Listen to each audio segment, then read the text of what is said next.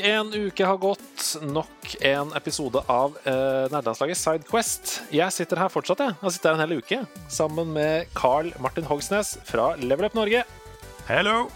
Han er en legende, og blir ikke mindre legende av å fortelle meg hva som var så bra med 1998. Ehm, vi har mye vi må gjennom, så jeg bare kaster meg rett i gang. For dette året her eh, står vel igjen som et slags eh, Både personlig for deg, tror jeg, og for spillbransjen som et viktig år. Ja. Jeg har jo nå eh, nok en gang ikke forberedt meg, så jeg er veldig spent på hva slags spill du kommer til å kaste ut nå. Ja, og jeg må som vanlig komme med den lille disclaimeren om at det er en del spill vi må hoppe over her, for hvis ikke så hadde vi sittet her til i morgen. Ehm, men jeg har valgt ut en smørbrødliste på en 10-15 spill som vi skal ta for oss. Og da Jeg begynner på et av de spillene som har eh, nesten høyest eh, Game Reactor-score det året, med 93,13. Og det kommer 21. januar, så 1998 starter med et smell. Resident Evil 2.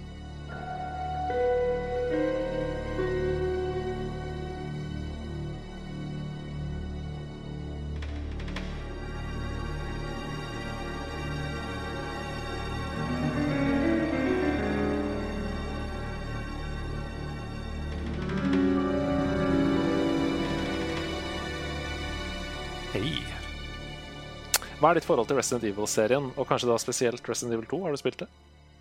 Jeg har, jeg har spilt litt Resident Evil. eh, Jeg har ikke runda verken 1, 2 eller 3, men jeg hadde jo kompiser som hadde de. Eh, Ja. Så jeg har sittet og sett mye på. Jeg har spilt litt, men det var jo egentlig sånne spill som ikke jeg turte å spille. Ah, ja. Så, eh, så det, det, det var litt sånn jeg beundra de på avstand. Jeg kjenner meg veldig igjen. Jeg hadde ikke sjans til å spille Resident Evil 2. Det var uh, altfor altfor skummelt for meg. Eh, Men jeg vet jo at du har en, eh, en eller flere gode kamerater som eh, elsker Resident Evil. Har du spilt remasteren? Jeg har ikke spilt den, men jeg har sett på eh, en del eh, Jeg husker ikke om det, jeg tror det var Svendsen som har spilt en del. Yep. Så det mm, Jeg har liksom også, igjen, da, kanskje egentlig, beundra det litt på avstand. Mm. Så jeg er ikke så mye, mer, jeg er ikke så mye modigere nå enn jeg var da jeg var liten. Nei. Nei, altså Resident Evil 2 det er jo da, uh, som sikkert mange vet, et survival horror-spill. Uh, hvor da Leon Kennedy og Claire Redfield må rømme fra Raccoon City etter at alle innbyggerne har blitt til uh, zombier. Og det skjedde to måneder etter da the events of the original Resident Evil. Det er jo kanskje allerede her så mistet på en måte Resident Evil-navnet litt betydningen sin. Det gjør jo Det det. het, det het jo egentlig Biohazard, gjorde det ikke det, i Japan? Jo. Og så, siden det var på en mansion i det første spillet, så tenkte de Resident Evil var kult, men nå er det jo plutselig ikke noe Residence lenger. Nei. Nå er det bare, nå er det bare et kult navn. Ja, City Evil. Ja. Det er litt som at uh, dette Det er ikke litt som dette i det hele tatt, men jeg bare sier det likevel. Uh, termos er jo da, var jo et merkenavn, men nå anerkjenner vi det som en ting vi har varm uh, drikke oppi. Oi, det visste jeg ikke, at termos var et uh... Ja, nei, det, det er mange sånne ting som vi nå bare anerkjenner som eh, navnet på en ting, men termos var bare et eh, brand, rett og slett. Hmm. Er ikke det gøy? Jo, det, er- det visste jeg. lærte jeg noe i dag òg. Ja, Deilig, deilig liten sidequest i sidequesten, ned i termosens verden. Uh, Ikke sant? Jeg har faktisk uh, nylig hørt en, en helt ny en av de. Ja, fortell. Fordi jeg en venninne av meg sa at hun skulle ta en Voi ned. Og det er jo et merke. Mm. Men det virker som Det er jo sånn jeg vet ikke, ti forskjellige merker av de sparkesyklene i Oslo.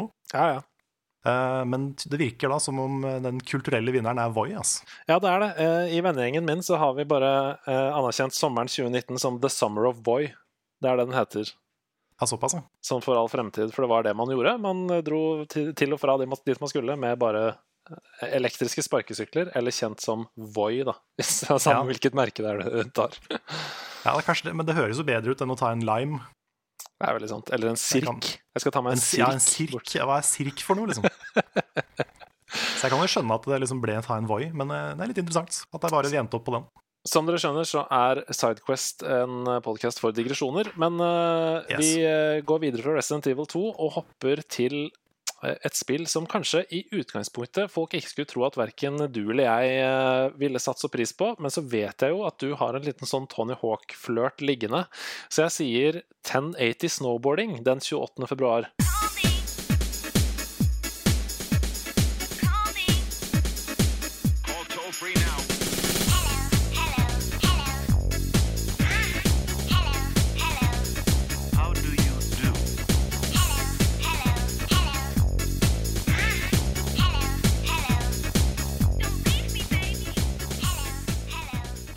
Ja, det har jeg spilt eh, Ikke mye, men jeg har spilt det. Mhm. Jeg husker at jeg hadde et litt sånn love-hate-forhold til det, for det var så vanskelig. Ja. Og det var et par hakk for realistisk for meg. Det er akkurat det, fordi her er nemlig 1080 Snowboarding var jo på en måte mm, eh, simulator-storebroren til SSX. Ja. Eh, de, det var liksom eh, Spillebasen delte seg i to her. De som sverget til realismen i 1080 Snowboarding, og de som sverget til tullingen i SSX. ja. Ja, og liksom Cool Borders og Snowboard, Snowboard Kids og Kids. sånn. Snowboard Kids. ja, ja, ja. Snowboard Kids var jo min, uh, min love. Men jeg husker så godt liksom, da Magnus BA kom på skolen og bare Altså, jeg naila 1080. Jeg naila 1080 i 1080. Shit. Alle bare wow! Men det var jo vanskelig. Ja, det var kjempevanskelig. Um, fikk eh, veldig gode anmeldelser da det kom. Ble tatt imot som eh, noe vi ønsket oss i spillbransjen. Mm. Jeg husker at det var liksom Det var ganske fett med et spill som bare fokuserte 100% på snowboard. Som var liksom sånn eh, Ja, det var triksing og sånn, men det var også racing. Sånn som alpint spill. Altså, du skulle bare ned til mål først og sånn. Det digga jeg. Ja. Det, jeg jeg husker det. Og så husker jeg at jeg, jeg syns det var gøy, og det var kult. Men det som ødela for meg, var at jeg var ikke noe god i det. Jeg syntes det var vanskelig. Mm. Og så hadde de jo helse. Altså, du, kunne du tålte jo ikke så mye. Nei. Og det husker jeg var en sånn ting som plaga meg, fordi jeg kom jo ikke til mål. For jeg daua på veien. Mm. Det, så det var liksom jeg, jeg sleit litt med å engasjere meg i det spillet, men jeg husker at jeg spilte det mye med kompiser. Ja, det var nydelig. Vi blæster videre. Um, det er ikke det første i serien, men det er kanskje et av de som står igjen som et av de viktigste, og det er Tekken 3.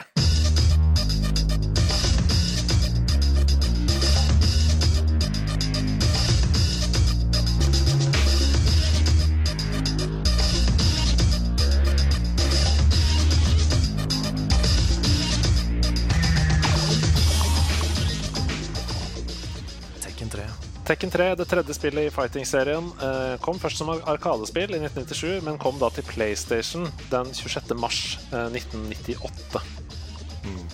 Fortell om Tekken. Eh, først og fremst Tekken 3, men hvis du ikke har noe sånn kjempeforhold til Tekken 3, så fortell om Tekken for deg. Ja, jeg har egentlig spilt alle Tekken-spillene, tror jeg. I hvert Mm. fall fram til Ja, jeg tror faktisk jeg har spilt alle. Jaså, så de er professor Tekken? Jeg er professor Tekken. I sånn der, Nå husker jeg ikke av hva han heter, han der scientisten, men du kan bare se for meg at jeg er han. Ja, han, ja. Han doktor oh. et eller annet Ovic. ja. Hva er det han heter igjen? Ja, er det, det er Doktor doktor Boskonovic. Boskonovic, er det, Akkurat tror det. jeg. The Silly Elderly Genius, som han er. Yes. Så du kan se for meg at jeg er han nå, som bare professor i Tekken. Ja, Ja, nei, jeg, har, professor um, Tekken. jeg er jo veldig lite god i Tekken, for jeg har spilt alle spillene. Men Mm. jeg husker jo eh, Det var jo liksom det fighting-spillet jeg spilte med venner da jeg var liten. Mm. Jeg til og med spilte med søstera mi og pappa, og det er ikke mange spill jeg har spilt med de. Nei. Men, eh, men det var en gang Spesielt husker jeg at vi hadde skulle, skulle være litt sosiale, eh, pappa og kidsa. Og da hadde vi en sånn turnering da vi skulle spille fem runder Tekken eh, og fem runder sjakk. Ja. Fordi da hadde liksom pappa sjans, da. Eh, og så vinneren fikk noen penger og noen greier. Oi. Så, eh, og hvis jeg tapte, så måtte jeg vaske bilen til faren min. Men uh, det som skjedde, var at jeg vant alle fem rundene Tekken og første runde sjakk. Og da var det liksom ikke noe, noe mer. Så det ble ikke Da så mye sjakk. da gikk lufta ut av ballongen. Ja, så det ble ikke noe bilvask. Men uh, jeg, um, jeg Jeg liker fortsatt Tekken veldig godt. Jeg syns på en måte av uh, fighting-spill, utenom Smash, da, så er jo det det ultimate som party-fighting-spillet. Ja. Fordi du kan plukke det opp og button-mashe og vinne Ja, ja, ja. en god del. Og det er liksom Jeg tror ingen eh, veier er så lange som veien fra å være en buttonmasher i Tekken til å kunne slå en buttonmasher i Tekken. For du må bli så veldig god for å kunne klare å slå de buttonmasherne. Ja, det er som uh, skuespillere som sier sånn uh, det, er så, det vanskeligste jeg vet, er å synge falskt. Hvis rollen Ja. min ikke skal kunne synge. For da må jeg Ja, synge sånn, så innmari bra først, for å kunne liksom uh, troverdig synge dårlig. Hmm. Det var litt omvendt der, da. Du- Du må først, Ja, bli, kjempe, du må først bli kjempegod i tekken for å kunne bli en god buttonmasher. Ah. Ja. Det er sånn- det er sikkert samme som at hvis du, hvis du er en veldig god stuntmann, så er du god på å se ut som du snubler. Ja, ikke sant? sant? Nå er er du god. sånn. god. Nå leverer du varer. Det er, no, det er noe her. Hvem eh, er din main i tekken? Og jeg har et par. Ja. Jeg var en periode veldig god med Yoshimitsu. Åh, det er min nå! Ja, han er så morsom. Han Ja. har så mye rare ting. Det er det som er gøy med han. Helikopter med sverdet. Oh yes. Ja. Og da Brian Fury, også kjent som han i Blade Runner. Mhm. Han, eh, han var jeg god med. Ja. Og så hadde jeg Horang. Var jeg også ganske OK med. Ikke sant. Nei, for meg så er det Yoshimitsu, og så er det Panda. Panda, faktisk. Den svære pandaen, husker du den? Ja, det er sånn ekstra, ekstra Ja. Man blir ekstra sinna når man blir banka opp av panda. ja. Og det var derfor jeg For det var sånn unlockable character som du ikke fikk før du hadde greid noe spesielt, og derfor så ble jeg så forelska i den. Fordi da vi greide det, så var det sånn Å, shit, panda! Jeg er keen på å spille med. Og så Gun Jack. Irriterende Gun Jack. Ja, Som bare faller oppå uh, med den svære kroppen sin oppå fiender og sånn. stemmer det. Det er noen sånne annoying karakterer i Tekken. Altså. Ja. Men vi må videre, ellers så ja. prater vi oss i hjel uh, i denne podkasten. det går ikke mange dagene før eh, det kommer et nytt spill. Eh, fem dager skal vise seg å ta et spillselskap fra et sted. eh, Om ikke til et evig sted, så i hvert fall til neste steg. Og det er Starcraft, som kommer 31. mars.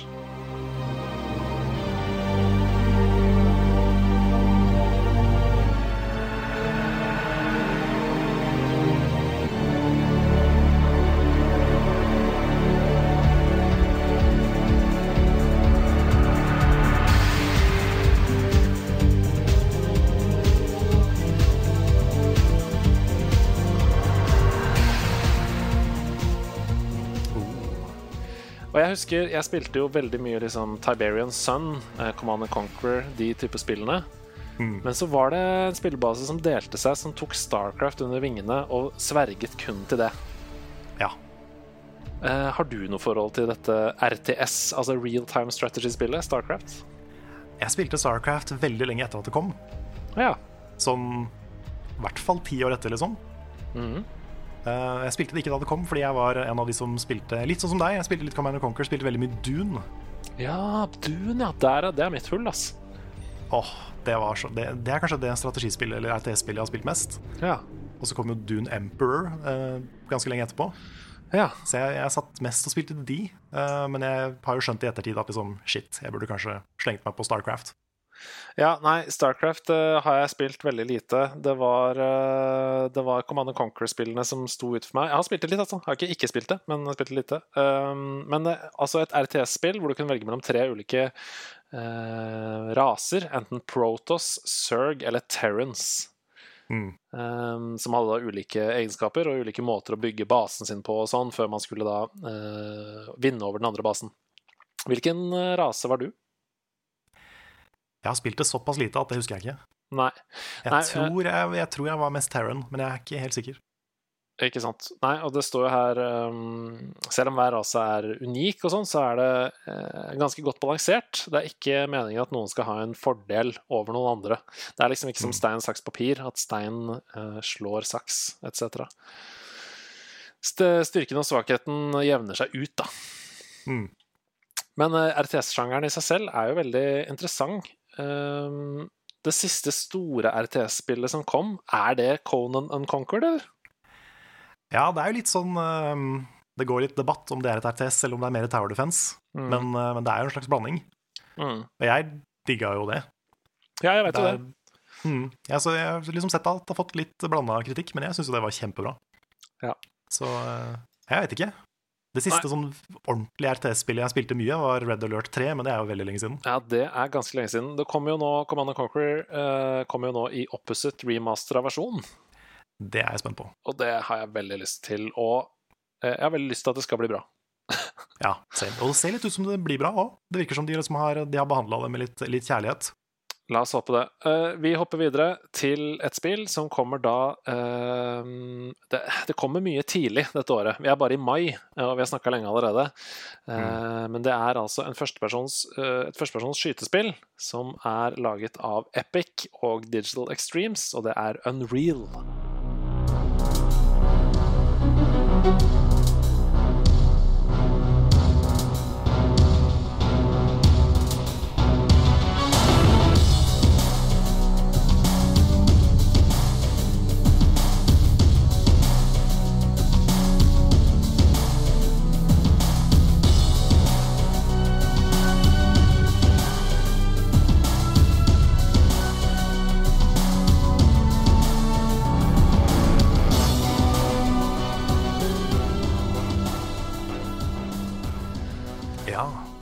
Unreal kommer da i mai 1998. Um, og det er vel Det er vel eh, laget på en game engine som senere blir mer kjent enn spillet i seg selv, nemlig Unreal Engine. Stemmer det. Den, eh, den engine har jeg laga levels i. Ja. Um, det er ganske sjukt, ass. Altså, Unreal var jo et eh, prosjekt som Et sånn hjertebarn for uh, selskapet. Ehm, det, ble, det ble utviklet med pengene som eh, selskapet fikk av Epic Pinball. Som er det bestselgende shareware-spillet til Epic. Um, så lagde de da Unreal på det. Fikk en veldig sånn you know. Fikk en veldig sånn eh, lojal eh, spillebase. Eh, som likte liksom den fast-paced eh, skytespilltingen, da. Mm. Har du noe forhold til Du har vel ikke spilt så veldig mye FPS-spill, egentlig? Nei, jeg For meg så Det er litt rart, men eh, jeg spilte jo en del eh, FPS på Nintendo 64 og et par sånn på PC. Jeg, har vært litt innom Half-Life, litt innom litt sånne ting. Mm. Um, men jeg slutta på en måte å følge den sjangeren litt etter hvert. Mm. Jeg vet ikke helt hvorfor, men jeg, jeg hadde liksom min peak på Golden Eye. Ja. Så du har kanskje ikke spilt så mye Borderlands og sånne spill, da? Nei, jeg har liksom vært innom de, men ikke Ja. spilt de mye. Nei. Nei, eh, jeg har heller ikke spilt jeg hadde ikke, altså, På denne tiden her så var ikke jeg en veldig sånn hissig PC-gamer, så jeg har heller ikke spilt så mye Unreal, men jeg ville ta det opp, for jeg vet at det er viktig, og jeg vet at mange hadde et eh, sterkt forhold til det. Mm. Vi hopper videre til et spill som jeg er helt sikker på at du hadde et mye sterkere forhold til. Eh, sommeren 1998, kjærlighetssommeren 1998, så kommer Nintendo med et kjærlighetsprosjekt, nemlig Banjo Kazooie. Åh,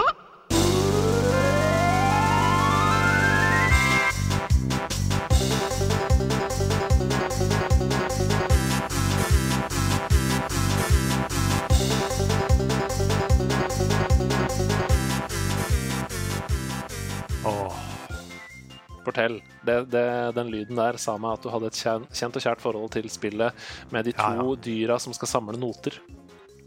det, altså, jeg husker det første liksom, jeg tenker på når jeg hører Banjo Kazooie, det er at jeg står på farmannsledet i Tønsberg, Ja. uta, utafor Brio, eh, og spiller det helt til jeg blir jaga hjem. For det var, det var heldigvis ikke noen kids i kø, da, da hadde jeg ikke hatt samvittighet til det, men, men liksom Det å bare stå der utafor butikken og bare spille det, som var på Det var jo liksom eh, frama med, med en sånn svær kasse-TV hvor du kunne bare stå og spille det. Ja. Og eh, tok jo ganske mange år før jeg faktisk fikk det hjemme. ja.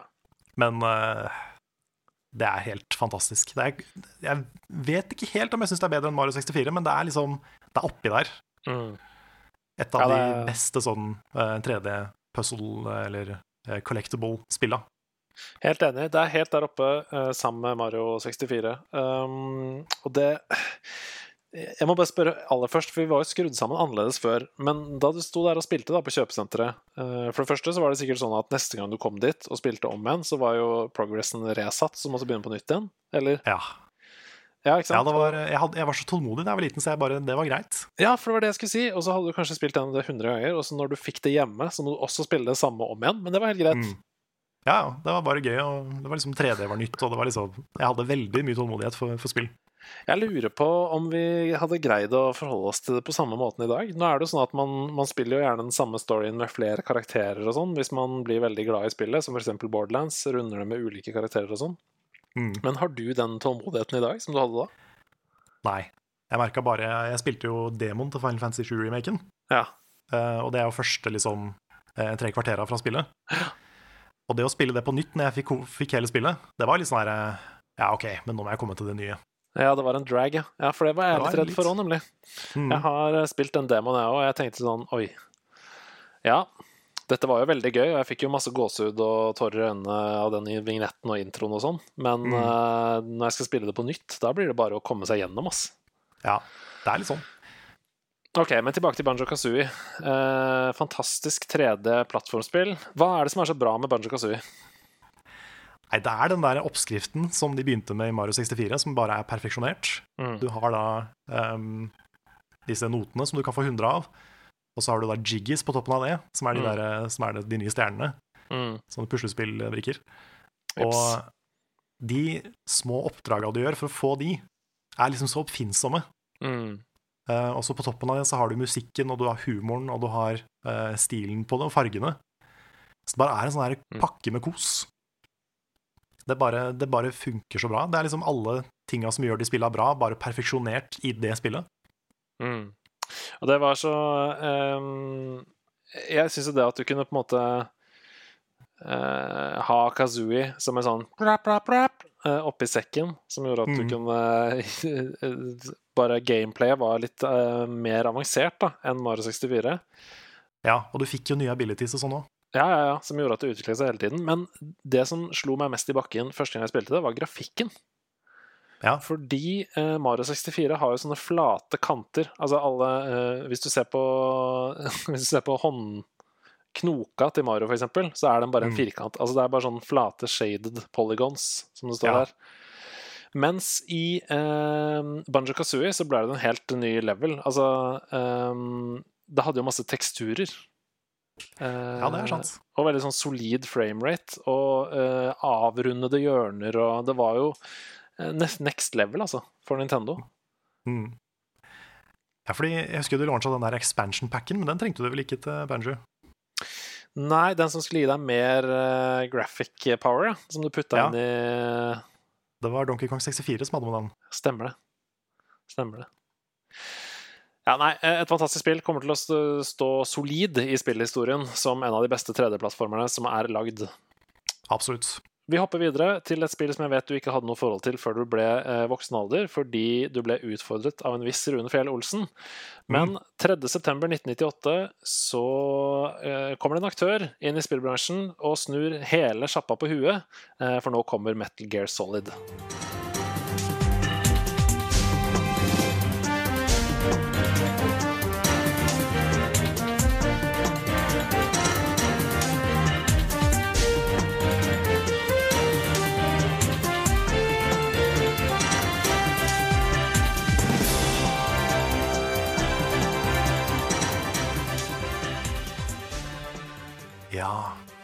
1.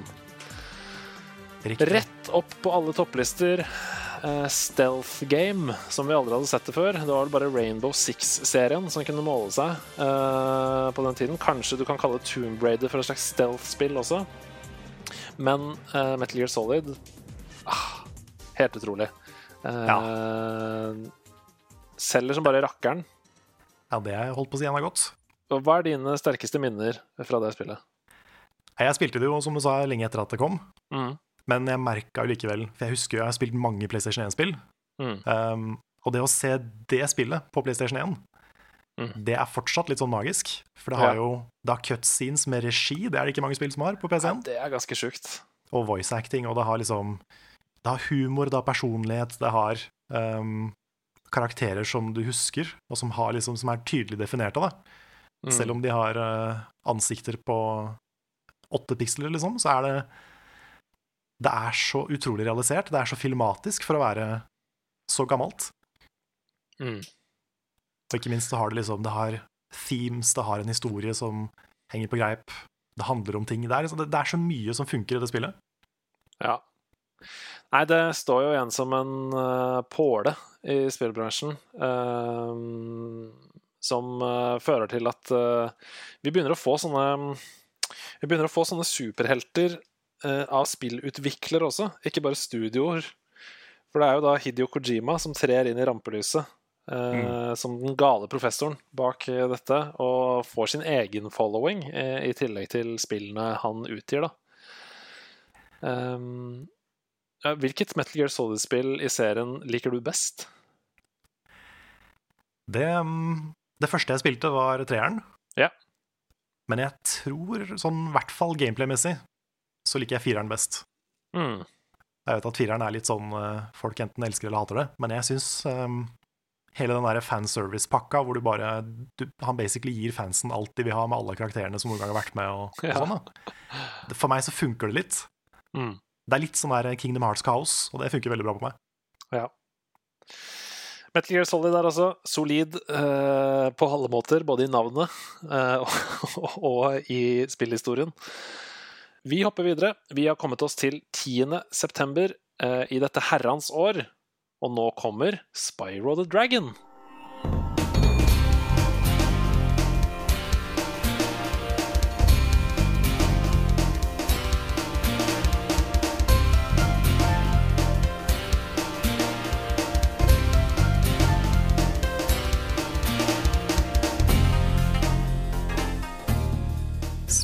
Dragon. Plattformspillet eh, Insomniac Games, eh, første spillet i serien. Eh, traff det deg? Traff Spyro deg? Det, jeg husker jeg var nysgjerrig på det, jeg var spent på det. Mhm. Um, men jeg hadde det aldri sjøl, så det var et spill jeg spilte hos venner. Mm. Um, og så husker jeg at jeg fikk sånne demoer i PlayStation Magazine, Oh yes. og da, det, de spilte jeg i hjel. Ja, ja. Spilte samme banen om igjen og om igjen, om igjen sikkert. Ja, ja. Så um, jeg, jeg kom aldri dit at jeg faktisk kjøpte det sjøl. Mm. Men jeg husker, liksom, husker veldig godt det første Spyro, og jeg spilte med mange venner liksom, både da og mange år etterpå. Jeg kjenner folk som har uh, Spyro 1 som sånn julespill. Som de, hver, hver jul så begynner de å spille det. Ja, selvfølgelig. Det, det gir eh, mening, det, altså. Mm. Uh, plattformspill. Du spiller da denne lille lilla dragen, eh, og så har du en sånn eh, øyenstikker, eller sånn Ja, er det ikke det der, da? Dragonfly. Eh, som heter Sparks. Stemmer. Og man da eh, reiser gjennom The Dragon Kingdom for å ta Gnasty Gnork, som har tatt over da fem sånne drageverdener, eh, ved å fange de andre dragene i Spyro sin verden i krystall. Sånn at du må touche hodet ditt på dem for at de skal eh, slutte å være fanget i krystall. da. Hmm. Så samler du på diamanter og sånn, eh, og du har sånn flamme, flammeangrep som du kan bruke på mobs og sånn. Jeg har et lite håp om at den sjangeren kommer tilbake snart. Altså. Ja, det, ordentlig. De, eh, det kommer jo i remaster, disse Spyro-spillene, nå Mm. nylig. Og de er jo kjempebra. Jeg syns det har blitt veldig, veldig bra. Eh, Det er gøy å spille, og det er um, høyt tempo, eh, fargerike verdener og ja, masse gøyale mechanics, rett og slett. Ja, sant. Nå fikk vi liksom det, så fikk vi Crash uh, remastered, vi fikk Mario Odyssey, Mm. uh, Hat in Time. Så som jeg, jeg føler liksom scenen er satt da, for å, for å bare virkelig gjøre comeback med noen nye spill. Ja, nei, Vi får håpe at uh, det, det kommer noen spillutviklere som tør å appellere til uh, nye historier også. Nå så vi jo Hat in Time, som du nevnte der. Mm. Men eh, 3D-plattformspill som ikke er en remaster, men som kanskje uh, bringer noe enda mer nytt til bordet. da Sett Ja. med moderne øyne og alle de mekanikkene vi har mulighet til i dag. Sant? Hadde ikke sagt nei til et nytt Banjo Kazooie heller. Vi hopper til 14. oktober. Uh, LucasArts pek og klikk-sjangeren er ikke død, for her kommer Grim Fandango.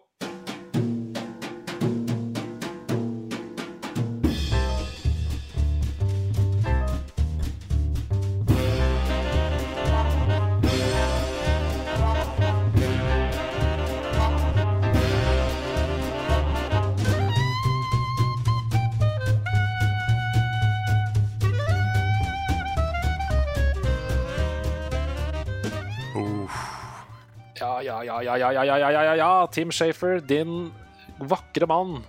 Mm. Har du noe forhold til denne skjelettverdenen av meksikanske uh, begravelsesagenter? Som det, eh, det, har jeg. Jeg, jeg spilte enda, en, enda, et spill som jeg spilte seinere, mm. da, da, remasteren kom. Mm. Og eh, uh, elska det. Det er sånn, enda et spill som har holdt seg helt utrolig bra. Ja. Og den humoren igjen, som er eh, fra Monkey Island og alle de spilla der, som bare som bare lever videre i Green Fandango. ass. Det er, og det er så smart. Det manuset er så liksom Spillmanus var ikke så bra på den tida. Nei, det er helt utrolig. Jeg, jeg, med Grim Fandango, så da jeg var kid, så så jeg også på bare broren til en venninne uh, spille det. For jeg, Mm. syns det var litt ekkelt med sånn Jeg høres ut som verdens feigeste person. Men jeg syns det var litt ekkelt med sånn eh, skjeletter og sånn. Ja, jeg ble traumatisert av Men in Black, så jeg dømmer deg ikke. Og jeg kunne jo aldri i verden få mamma og pappa til å kjøpe Grim Fandango til meg. Det hadde jo aldri i verden gjort. Eh, så jeg spilte også det selv for første gang, selv om jeg hadde veldig sånn nært forhold til det. eh, så spilte jeg det selv første gang i remasteren, og det er jo så, det er så smart, og det er så morsomt. Og det er eh, For de som er glad i pek og klikk, da, så er det jo helt perfekt. Ja, jeg har blitt veldig glad i de, der, de verdenene til Tim Shafer. Mm. Uh, og liksom Sammen med sånn som Psychonauts og Det er så akkurat til å utrolig det. bra Akkurat til å realisert. spørre om du hadde, gitt, uh, om du hadde spilt Psychonauts. Ja. Jeg har ikke spilt det sjøl, men jeg har sett eh, nok til å liksom eh, ha fått med meg historien. da Mm. Bare den eh, måten de bygger opp verden på, og Altså, de, de universene de skaper, er så gøyale, liksom. Mm. Jeg har lyst til å ta med en liten sånn fun fact. Um, vi har jo snakket litt i nederlandslaget om at uh, den tradisjonen med sånne um, booklets er jo helt uh, død. Uh, for Mm. folk kjøper jo digitale spill nå. Men booklets, altså den, det som lå inni spillcoveret da vi var kids, det var jo kjempeviktig. Ja. Det å kunne lese i den og, og få med seg litt mer om karakterene. Kanskje det var et kart over verden, noen kule bilder. Det var liksom, Jeg brukte mye tid da, på å kose meg med de også. Mm. Og jeg vil bare lese opp et sitat fra, uh, fra bukletten til Grim Fandango her. Og her står det sånn Dette er fra Wikipedia. Many of the characters smoke following a film noir tradition. Fordi det var jo en film noir-tema på Grim Fandango. Mm. Uh, and the manual, altså the booklet, asks players to consider that every smoker in the game is dead. Nice save. Ja, det liker jeg så godt. Det er uh, Team Shafer i et nøtteskall. Åh, det, sto, det sto så mye bra i de, eh, de bladene. altså. Det er så mye, så mye spennende law. Eksempel at uh, Dr. Robotnik er feminist, og at uh, Knuckles eh, liker druer. ja. Det er ting jeg lærte av, av å lese de manualene. Vi fant jo også ut at eh, den uh, eh, I Super Mario 2, den eh, dragen som spytter egg, eller eh, Husker du den? Ja. Som du må fange eggene til å kaste tilbake på. Birdo. ja. Eh, Birdo er egentlig eh, en mann som kler seg ut som en kvinne. Så han er den første eh, transseksuelle karakteren ja, stemmer. i TV-spill. Og det står, eh, det står i bukletten til Super Mario 2. Riktig. Tidlig ute, altså. He is a man who dresses Nei, who thinks he is a girl, står det. Hmm. Ikke helt eh, riktig formulert, kanskje, men Nei, kanskje ikke helt riktig formulert, eh, men for noen så bante det sikkert eh, vei. La oss håpe det, i hvert fall. Få håpe. Um, vi hopper videre, vi, til en aldri så liten legende. Fisøren 1998 leverer varene så veldig. 19.11. så kommer Half-Life.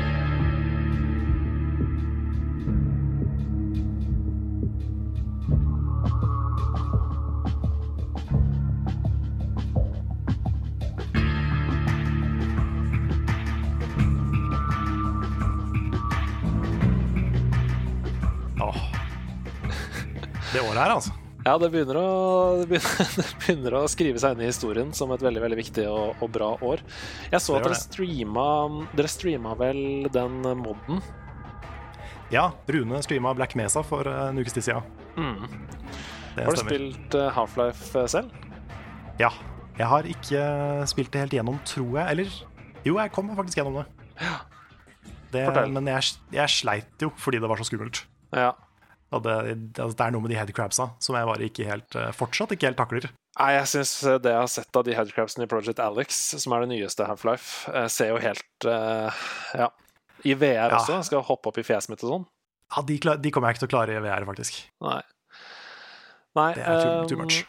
Half-Life, eh, legendarisk førstepersons skytespill. Valve, som har utvikla det, eh, legger grunnlaget for hele, hele suksessen til Valve. Eh, Men det er altså Sierra som gir det ut, Sierra Studios. Eh, Som også var et helt eh, vel på høyden av sin karriere på den tiden. Men de hadde jo, altså Sierra hadde jo Leisure Suit Larry, Kings Quest, Space Quest, alle disse pek-og-klikk legendariske spillene, flipperspill. Ja. Men det skal altså handle om Half-Life nå. Hva, hvorfor tror du det ble så viktig? Jeg tror det er flere ting, men uh, den største tingen er kanskje det at um, Altså For det første, det var jo uh, et helt fantastisk skrudd sammen spill, sånn rent teknisk, og hvordan det føltes å spille det, og Mm, alt sånt. Men uh, det er også noe med måten den historien ble fortalt. mm, Fordi du var konstant Du hadde full kontroll hele veien. Det var fortalt bare via gameplay. mm, Um, og alt som skjedde, skjedde rundt deg mens du gikk rundt der og utforska. Mm, Og det var en så utrolig sånn Det var en måte å fortelle historien på som ikke, som ikke er mulig i noe annet medium. da Som liksom Portal og alle de andre spillene der har videreført. mm. Nei, Og det det er, er så kult. Jeg er helt enig med deg der. Altså, pushe grensene for hva spill kunne være, rett og slett. Mm. Eh, jeg tror mange ble litt sånn slått i bakken av at eh, ja, Hvis du, hvis du sammenligner med Golden Eye, da, for eksempel, som på mange Mm. måter er, føles som en litt sånn Altså, det er et first person shooter. eh, og hvis du hadde satt de to Hvis du hadde satt et skjermbilde av de to ved siden av hverandre, så ville kanskje noen sagt ja, dette er vel ganske likt. Men Mm. snakk om forskjellige opplevelser, da. Herlighet. Ja, ja det at du, du er begrensa til den der crowbaren en stund, Mm. og at uh, Gordon Freeman er en sånn vanlig fyr, liksom. Han er ikke noe actionhelt. Kanskje, kanskje, Half-Life er litt sånn spillenes Die Hard. Ja. Jeg vet ikke. Bare for å dra en sånn veldig random sammenligning ut av ingenting. Ja, det syns jeg er ganske interessant. Uh, Half-Life er spillenes Die Hard. Ja, ja nei, Da syns jeg vi skal begynne å spille Half-Life som en tradisjon i jula. ja. Skal vi det ikke det? beste julespillet. Ja, det beste julespillet. Uh, det er jo helt sjukt, dette her, altså. Uh, men vi er ikke ferdig med 1998 enda. Vi har noen spill til, og for noen spill det er. For at det tar to dager fra Half-Life kommer, uh, til Nintendo svarer med The Legend of Zelda Ocarina of Time.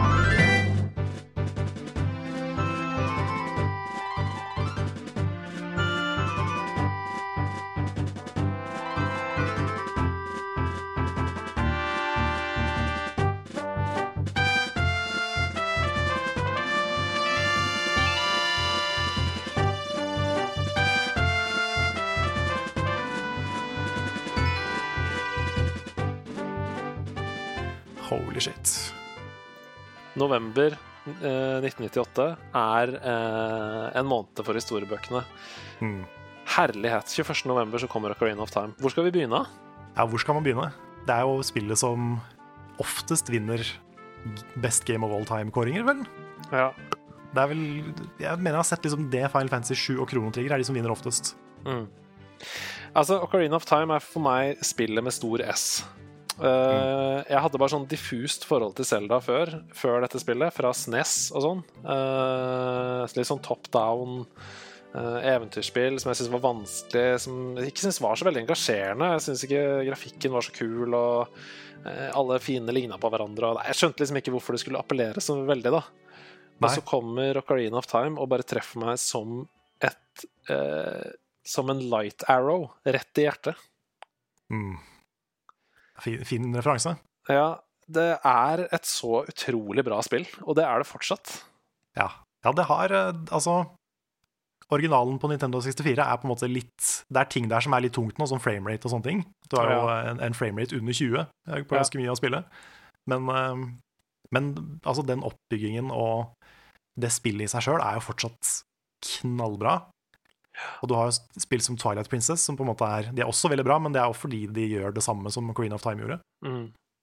Nei, jeg husker bare det at eh, den følelsen av å være i en verden Første gang Altså, eh, vi spilte jo lenge før vi i det hele tatt kom oss ut til Kakariko Village. Ja. Så første gang jeg kommer til Hyrule Field der, og bare innser sånn Å, shit, dette spillet her er så svært. Mm. Det er en hel Det er ikke bare Kakariko Village. Altså Jeg kan ikke bare løpe rundt her og gjøre noe quests og skyte med noe uh, pil på en ting eller noe sånn der sprettert, sånn at jeg får noen nøtter og dekunøtts og sånn. Det er en helt enorm verden. Uh, og denne svære, åpne gressflaten som jeg er på nå, den er på en måte um, stua. Og så er det masse rom inn til masse helt forskjellige, unike verdener. Mm. Altså bare det å kunne putte Water Temple og Spirit Temple, for eksempel, da, i samme spill. Ja. Og så, så var det kanskje, om ikke det første, så i hvert fall et av de første spillene som du fikk den følelsen av at shit, dette er en massiv 3D-verden, liksom. Mm. Som jeg kan fritt gå rundt og utforske. Jeg kan snu kamera, jeg kan gå hvor jeg vil og utforske det, er sånn, det er så mye der som ble gjort ordentlig bra for første gang, da. Ja, altså, ikke skjønte vi engelsk, eh, og ikke eh, hadde vi noe særlig oversikt, liksom, men likevel så greide vi å runde det spillet på en eller annen helt eh, absurd måte, Mm. bare ved å trykke på alt. Men det var jo ja, Det kommer til å stå for meg som en av de aller største, største og sterkeste spillopplevelsene gjennom tidene, fordi eh, det var både kjempegøy å spille, eh, og jeg brydde meg så oppriktig om alle karakterene. da. Det var så viktig for meg at Link eh, fikk det til. Mm. Nei, det var eh... Vi kunne hatt en helt egen sidequest bare om Ocarina of Time, tror jeg. Det kunne vi. Det, har du lyst til å trekke fram ett minne, eller? Et minne. Fra, fra spillet, liksom? Fra historien i spillet? Er det liksom et øyeblikk, en scene, som du husker godt, som står ut? Jeg husker jeg um, Jeg ropte på faren min eh, en gang. Og det var også sånne ting jeg aldri gjorde, fordi jeg har ikke foreldre som er sånn kjempegira på spill. På noen som helst Mm. måte. Men uh, jeg husker da jeg kom til um, Til Temple of Time etter å ha gjort alle temples, Mm. Uh, og det viser seg at liksom Spoiler alert. Uh, Sheik er Selda. Og alt det som skjer i den scenen, når du liksom blir, blir kidnappa og du kommer til liksom slottet til Gannon, siste boss, ikke sant? Mm.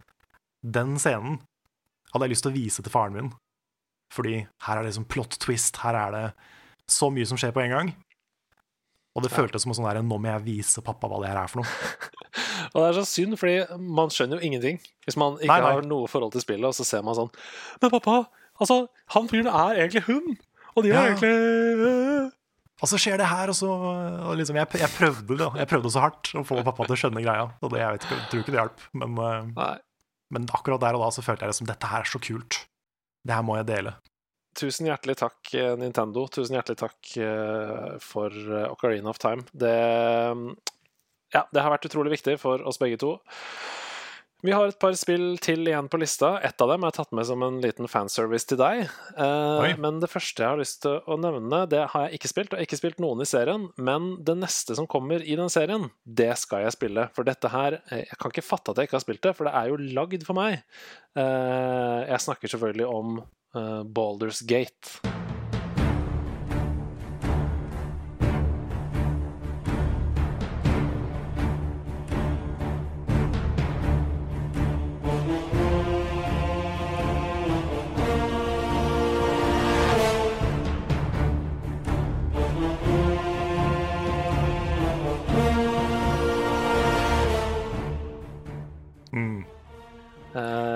RPG, fantasy, role-playing video game. Fortell. Ja, jeg kan egentlig bare si det samme som deg. Jeg har, jeg har ikke spilt det første, men jeg har tenkt å spille treeren. Ja, fordi hva er grunnen da? Hva er grunnen da, Carl, til at vi har så store spillhull på Baldur's Gate? Jeg kjenner flere som også bare sånn Nei, det, det har jeg ikke spilt. Nei, jeg vet ikke. Altså, jeg, jeg tror det er fordi jeg aldri um, Ikke før jeg ble voksen, egentlig, var veldig sånn PC-gamer. Nei. Jeg, holdt- jeg holdt meg liksom til eh, PlayStation og Nintendo. Ja. Og Sega da jeg var veldig liten. Så jeg har missa en del av de store PC-rollespillene. Ja, og det er nok eh, noe i det vi nettopp snakket om også, at en måned før så kom Ocarina of Time. Eh, Og Ocarina of Time var det eneste spillet jeg spilte i på en måte i hvert fall et år eh, etter at det kom. Ja.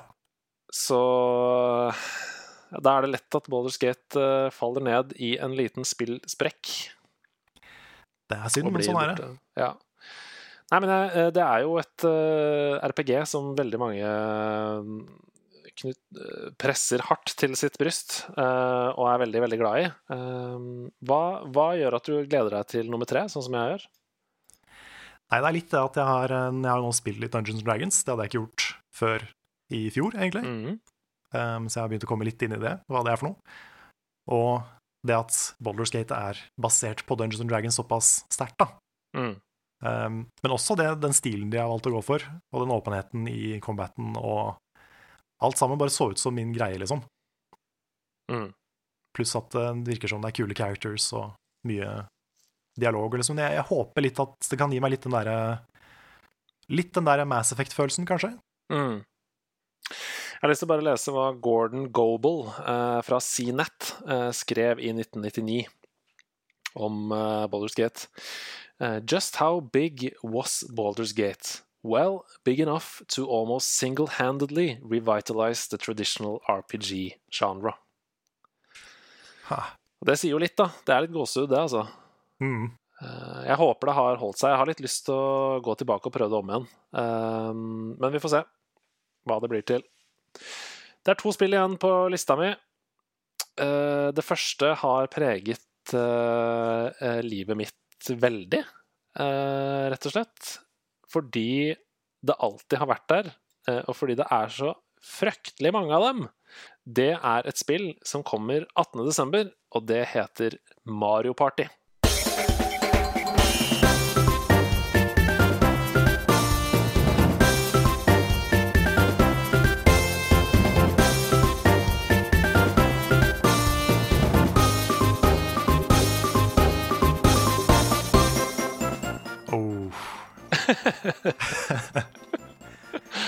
Ja, det har jeg spilt mye. hva tenker du når jeg sier Mario Party? Da tenker jeg at jeg um, Det første jeg tenker på, er at jeg leide det spillet på uh, Videosjappa Kanal 1 i Tønsberg. Mm. I hvert fall ti ganger før jeg fikk lov å kjøpe det. Ja, ikke sant? Og det var bare sånn Jeg spilte det aleine. Jeg syntes det var gøy. Ja, ja. Eh, Men hadde, det det var selvfølgelig best når jeg hadde folk på besøk. Og da spilte vi fire player og bare Men, men jeg merka at jeg liksom Jeg ble så engasjert i singelplayeren. Ja. Det å liksom bare samle minispill, det å få alle banene, det å få sånne Det er 100 stjerner du må ha for å få slutten på det. ja, jeg tror det. Og jeg bare elska det. Det var noe av det kuleste jeg hadde spilt ever da det kom. Jeg er helt lik som deg der. I de nyeste Mario Partyene også, som kom til Wii og Wii U og sånn, så jeg likte minst like godt å spille singelplayeren som jeg likte å spille det sammen med venner. Og jeg, jeg, jeg elsker virkelig å spille Mario Party sammen med venner. Altså. Jeg syns det er supergøy. Eh, nesten uansett hvilket du har. Det er en litt sånn Dark Ages hvor du sitter i samme bil der, eh, noen av spillene. Ja, det Men, men det er ikke dårlig, det heller. Det er bare litt annerledes. Man må bare anerkjenne at uh, jakten på ministjerner uh, kan være like givende som makten, jakten på de store stjernene. Uh, men Mario Party tok jo Det gjorde jo gaming eh, veldig mye mer allment. Uh, vi har snakket litt om at Mario Kart 64 for eksempel, uh, gjorde at masse folk som aldri hadde spilt spill før, bare plukka opp en kontroll og kjørte gokart. Mm. Uh, Det var litt sånn med Mario Party også. Masse folk som aldri hadde spilt spill før, ble med på en runde brettspill, liksom, på TV. Ja, det er sant. Det var en del bra på 64 som gjorde det. Mm. Hvilket Mario Party er din favoritt? Jeg har lyst til å si det første, men jeg, jeg fikk jo så mye brannskader i hendene av det første Mario Party. Så kanskje Det så mellom to og tre, egentlig. ja. Hva var det det der minigamet het, eh, hvor du skulle dra det derre thug, thug of war? Ja, Tug of War, ja. Tug of war. Og så var det en sånn syklegreie. Ja. Og det, det, kjappeste måten å gjøre det på, var jo liksom ta håndflata di på den stikka og så rotere. Ja fikk så bra da fikk, du, da fikk du jo sværblemmer. Ja. Eh, Mario Party 1 eh, splittet kritikerne så ekstremt. Det ligger fortsatt på en 80 av 100 på Metacritic, men det er altså sånn at f.eks. GamePro ga det 5 av 5, eh, mens, okay. et, mens et magasin som Game Informer ga det 3 av 10. Oi, det er, liksom Det er veldig elsk-hat, og jeg mistenker at han som anmeldte det for Game Informer, eh, kom på sisteplass i hvert eh, spill han spilte med vennene sine. Det spørs. Ellers så hadde han ikke venner, kanskje. Ja, det kan hende. Det kan hende at det var eh, mye singleplayer der. Nei, men eh, ja, veldig sånn schizofren anmelderbase på det spillet. Men kanskje, kanskje det også var sånn det er, ikke, det er ikke fullt 3D. Det er liksom bare minispill og et sånt brett. Dette er Ja. ikke moderne nok. Kanskje det er noe med det? For det var en periode hvor liksom alt som ikke var 3D Open World, var teit. Ja. Eh, egentlig så skulle denne episoden ha sluttet med Mario Party, men fordi du er min gjest, så har jeg, er jeg nødt til å ta med eh, det første spillet hvor en legende tar steget fra todimensjonal til tredimensjonal gameplay. Jeg snakker selvfølgelig om Sonic Adventure, som kommer lille julaften 1998.